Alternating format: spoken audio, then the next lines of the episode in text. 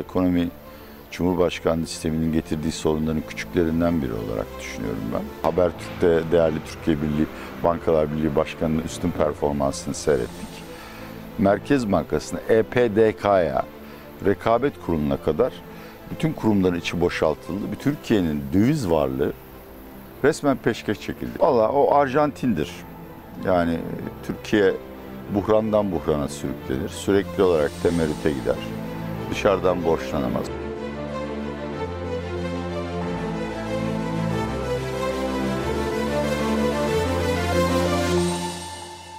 Atiye Bey merhaba, hoş geldiniz yayınımıza. Hoş bulduk sevgili Semih. Her zamanki gibi mesele ekonomi izleyicilerine de en derin sevgilerimi sunuyorum. Çok teşekkür ederiz. Artık bayram arifesindeyiz. Ee, önce bir bayramını kutlayalım istiyorsanız izleyiciye. Evet, valla Kurban Bayramı'nda ben huzur diliyorum. Yani benim şahsi isteğim o inşallah izleyicilerimiz de paylaşıyorlardır. Bir hafta e, televizyon haber kanallarını kapatalım ve ailemizle, sevdiklerimize ibadetle meşgul olalım diyorum. Evet, herkese iyi bayramlar diyelim şimdiden. Şimdi bugünkü konumuz, e, bu haftaki konumuz daha doğrusu biliyorsunuz e, başkanlık sistemi, hatta Cumhurbaşkanlığı hükümet sistemiydi değil mi ilk çıktığında? Tamam. E, ismi öyle söylemişlerdi. Dördüncü senesi doğmak üzere. Ah bunu bilmiyordum, çok sevindim. 9 Temmuz'da e, yıl dönümü. 14 Nisan 2017'de referandumla evet geçti. Evet mi? Ne oy vermiştiniz? Efendim? Ne oy vermiştiniz referandumda? Ben bi- bilmiyorum, hatırlamıyorum ne oyu herhalde evet vermişim. Ben hep çünkü Erdoğan'a verdim. yani. 24 Haziran 2018'de de Muharrem İnce ve e, Erdoğan, Cumhurbaşkanı Erdoğan'ın yarıştığı e, seçim olmuştu. Orada da kazanan Erdoğan olmuştu tabii ki. Ve 9 Temmuz'da resmi olarak başkanlık sisteme geçmiştik. Nasıl özetlersiniz birkaç cümleye bu geçen aradan 4 seneyi? Meteor düşseydi daha iyi şartlarda olurdu Türkiye diye düşünüyorum. Hani o dinozorları tarihten silen meteor var ya öyle bir şey düşseydi bile daha iyi sonuçlar alırdık. Ne açıdan? Ekonomik açıdan mı? Her açıdan. Yalnız ekonomik açıdan değil yani hatta ekonomi Cumhurbaşkanlığı sisteminin getirdiği sorunların küçüklerinden biri olarak düşünüyorum ben. Bir tek yararı oldu. O da şu, Türkiye bazı şeylerin olmayacağını gördü ve ders aldı. Şu anda artık AKP'ye yakın duran kamuoyu araştırma şirketlerinin anketlerine bile parlamenter sisteme geri dönüş konusunda e, önemli bir çoğunluk görüyoruz. Ne anlamda iyi oldu? Hani bu başkanlık sisteminin yürümeyeceği görüldü iyi oldu ama onun dışında Türkiye'de özellikle merkez sağ muhafazakar kesimde hep bir işte böyle güçlü bir lider olsa e, aslında çok şey yapılabilir de bürokrasi mani oluyor. işte yok yargı mani oluyor. Şu bu gibi yorumlar vardı. Şimdi bütün bu güçleri Sayın Cumhurbaşkanı kendi nezdinde topladı. Buna rağmen hiçbir şey olmadı. Bu da belki Türkiye'nin bu güçlü lider, baba lider arayışından vazgeçip e, çok sesli parlamenter ve bütün güçlerin eşit olarak temsil edip birbirini denetlediği bir sistemin daha iyi olduğu fikrine varmasına e, neden olur diye düşünüyorum.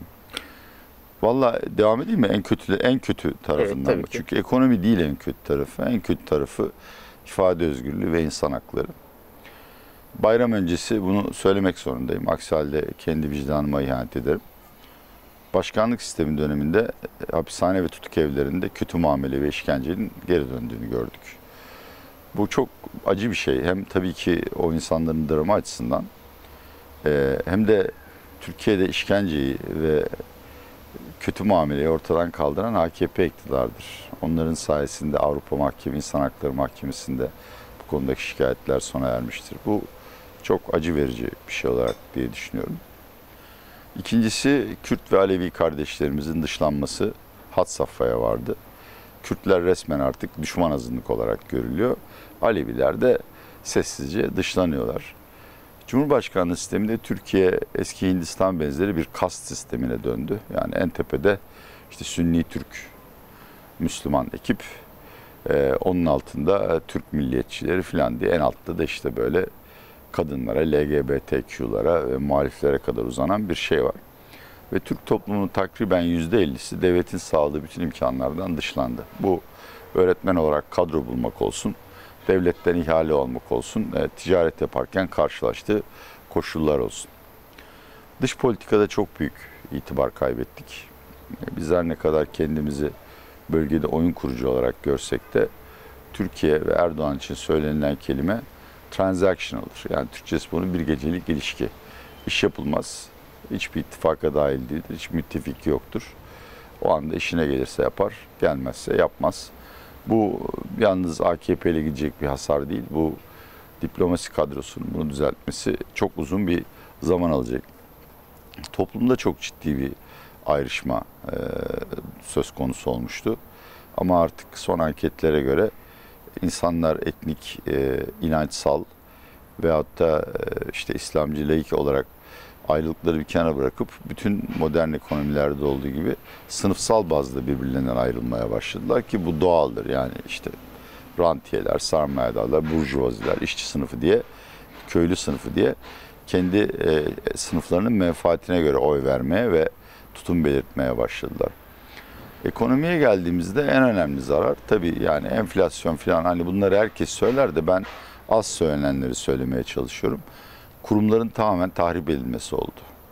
Yani bugün Türkiye'de direnen kahraman hakim ve savcılar var ama yargı diye bir şey kalmadı. Ve yargı da bir siyasi mesele değil. Yargı bir ticari mesele. Benim ev sahibimle ihtilafım varsa, bir araba satışında kazıklanmışsam, birisi bana borcunu ödememişse yargıya gideceğim. Yargı artık bu konularda da iş yapmıyor. Çünkü tamamen siyasete a- angaja olmuş durumda ve iş başına getirilenler de siyasi bir süzgeçten geçirilerek gelmiş. Ama bu yalnız şeye mahsus bir durum değil yargı yani. Türk İş'ten Türkiye Bankalar Birliği'ne işte Habertürk'te değerli Türkiye Birliği Bankalar Birliği Başkanı'nın üstün performansını seyrettik. Merkez Bankası'na, EPDK'ya, Rekabet Kurulu'na kadar bütün kurumların içi boşaltıldı. Bütün kurumlar asli görevlerinden uzaklaştırılarak Erdoğan'a, AKP veya hükümete de değil, Erdoğan'a hizmet etmek zorunda bırakıldı. Bunu da geri çevirmek bayağı zaman alacak. Çünkü asla az az da olsa serbest piyasa ekonomisindeyiz. Ve serbest piyasa ekonomisi kendi başına bırakılacak bir sistem değil. Bunu da açıkça söylüyorum azgın bir kapitalist olarak.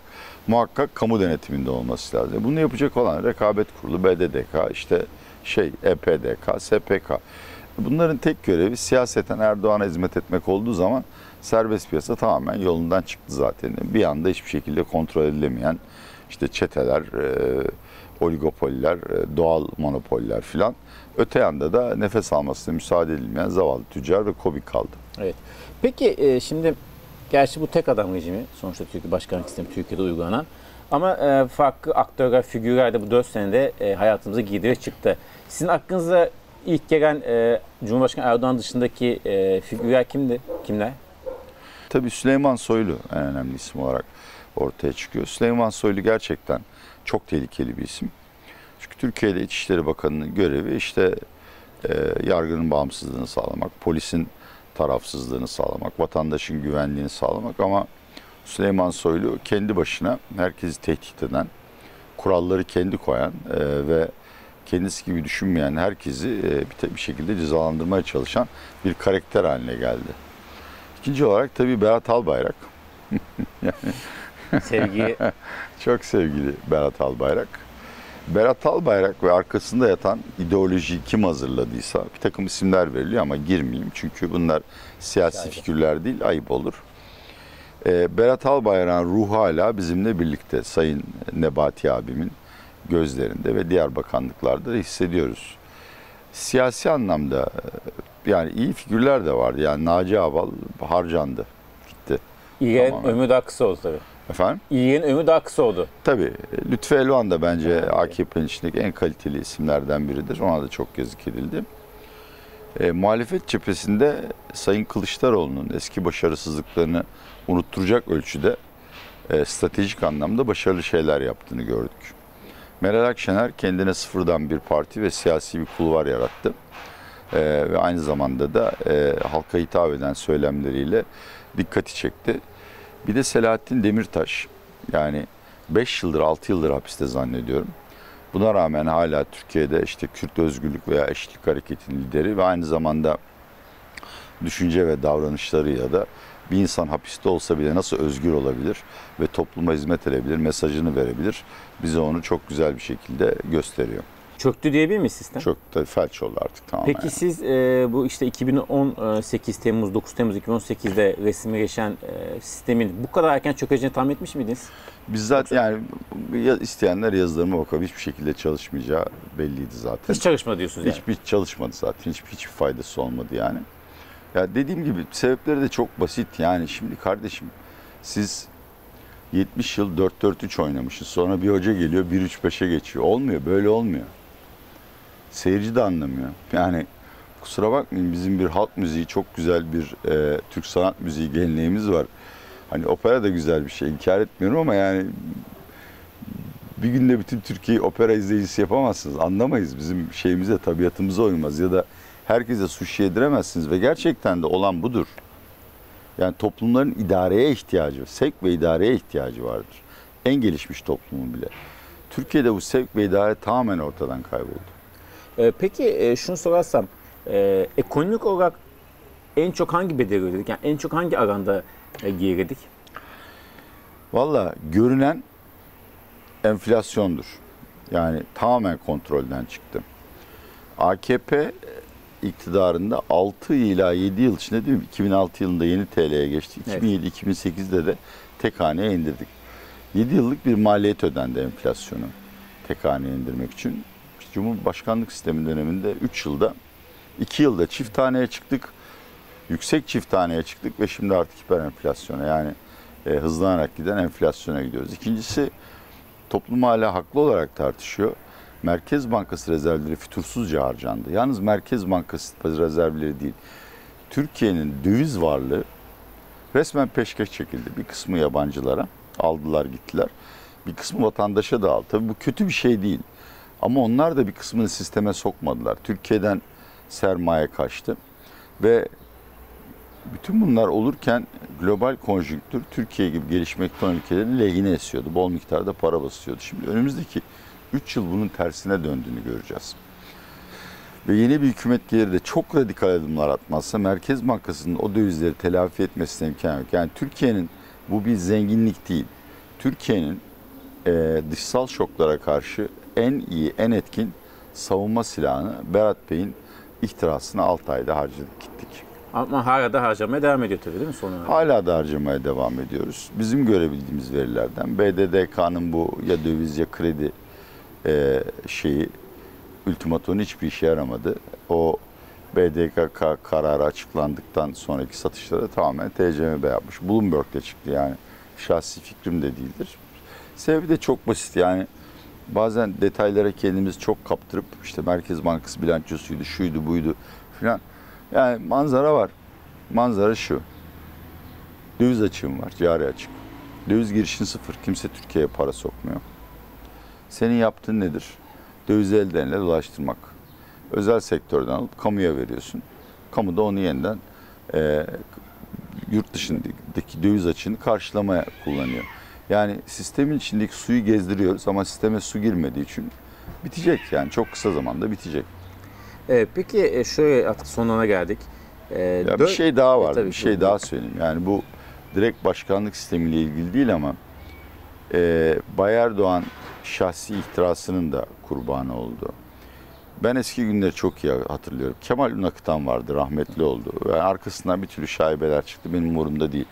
Kemal Ünakıtan Cumhurbaşkanı da verse ödeme çıkartmazdı. Ödenek çıkartmazdı bakanlıklara. Bütçe istikrarı derdi. Ve böyle çok sayıda bakan gör. İşte Bülent Arınç, Sayın Cemil Çiçek, Sayın eski e, Milli Eğitim Bakanı. Ki bunların zamanında hepsi çok eleştiriye tabi tutulmuş imkanlardır ama hepsi hala açık açık fikirlerini söylüyorlar. Aslında AKP kolektif bir yapı ve kolektif düşüncenin sonucuydu. Bu artık ortadan kalktı. AKP'nin şimdi aslında AKP diye bir partide kalmadı. Yani Erdoğan'ın partisi oldu. Bu teşkilattan milletvekillerine, danışma kurullarına kadar kendini gösterdi. Tek düze e, kendi içinde dahi kapalı kapılar ardında dahi eleştiri ve değişik fikir üretemeyen ve kendisi gibi düşünmeyen herkesi kolaylıkla düşmanlaştıran garip bir rejime döndük. Yani bunun bir benzerini ben belki Kuzey Kore böyledir. Ama yani ben Rusya'da bile Putin'in e, danışmanlarından fikir aldığını ve bunların bazılarının da Putin'le aynı fikirde olmadığını düşünüyorum. Çin'de oluyor böyle şeyler. Bunu biliyoruz. Türkiye'de tek bir ses, tek bir ses duyuluyor her yerden. Peki kapatırken iki tane farklı senaryo soracağım. Bugün işte bugün işte bu 9 Temmuz 4. senesi. 4 sene sonra, bundan 4 sene sonra e, yine Cumhurbaşkanı Erdoğan e, başkanlığında artık başka, e, yine aynı sistem devam eden bir Türkiye'yi nasıl olacağını anlatmanızı rica edeceğim. Valla o Arjantin'dir. Yani Türkiye buhrandan buhrana sürüklenir. Sürekli olarak temerrüte gider. Dışarıdan borçlanamaz. Arjantin en acıklayanlarından biri 20. yüzyılın başlarında neredeyse İngiltere kadar zengindi. Pek bilinen bir şey değil ve Latin Amerika'nın en müreffeh ülkesiydi. Bugün en fakirlerinden biri. Biz de ona döneriz. Peki e, iktidar değiştiğini düşünüyoruz. 4 sene sonra yine aynı sistemle mi yönetiriz sizce? Ve yönetirsek ne olur, yönetemezsek ne olur? Ee, iktidar değiştiğinde bu sistemle yönetilsek dahi e, işlerin bu kadar kötü olacağını zannetmiyorum. Çünkü şu andaki sistemde de bir istişare mekanizması var. Sayın Cumhurbaşkanı her konuda Cuma gecesi 12'den sonra kararname, başkanlık kararnamesi yayınlamak zorunda değil. İstiyorsa kabineye danışır, görevi kabineye devreder. İstiyorsa da parlamentoya yasa teklif ederek, yasa teklif ederek sorunları çözer.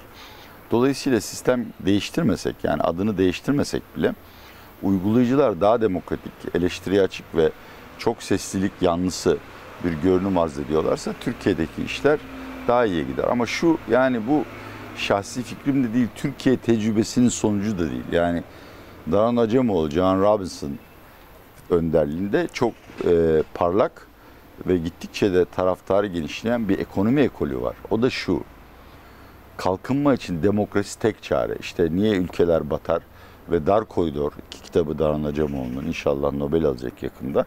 Ya bunlar çok açık bir şey.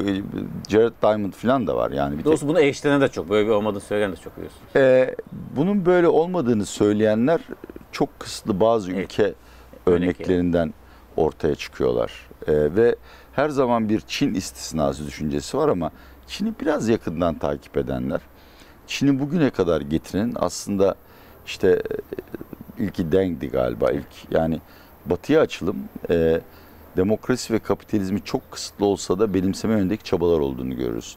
Xi Jinping bunların hepsini sıfırladı ve Çin'in de yavaş yavaş artık krize doğru gittiğini görüyoruz. Dolayısıyla ben istisna bir örnek görmüyorum.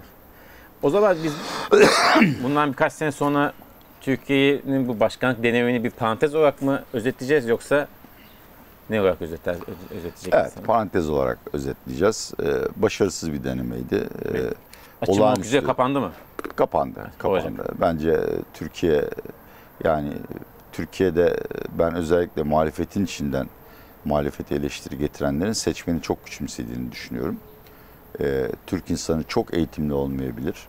Demokrasi bütün kurum ve kurallarıyla ne anlama geliyor bir takım tereddütleri olabilir ama ne istediğini çok iyi biliyor.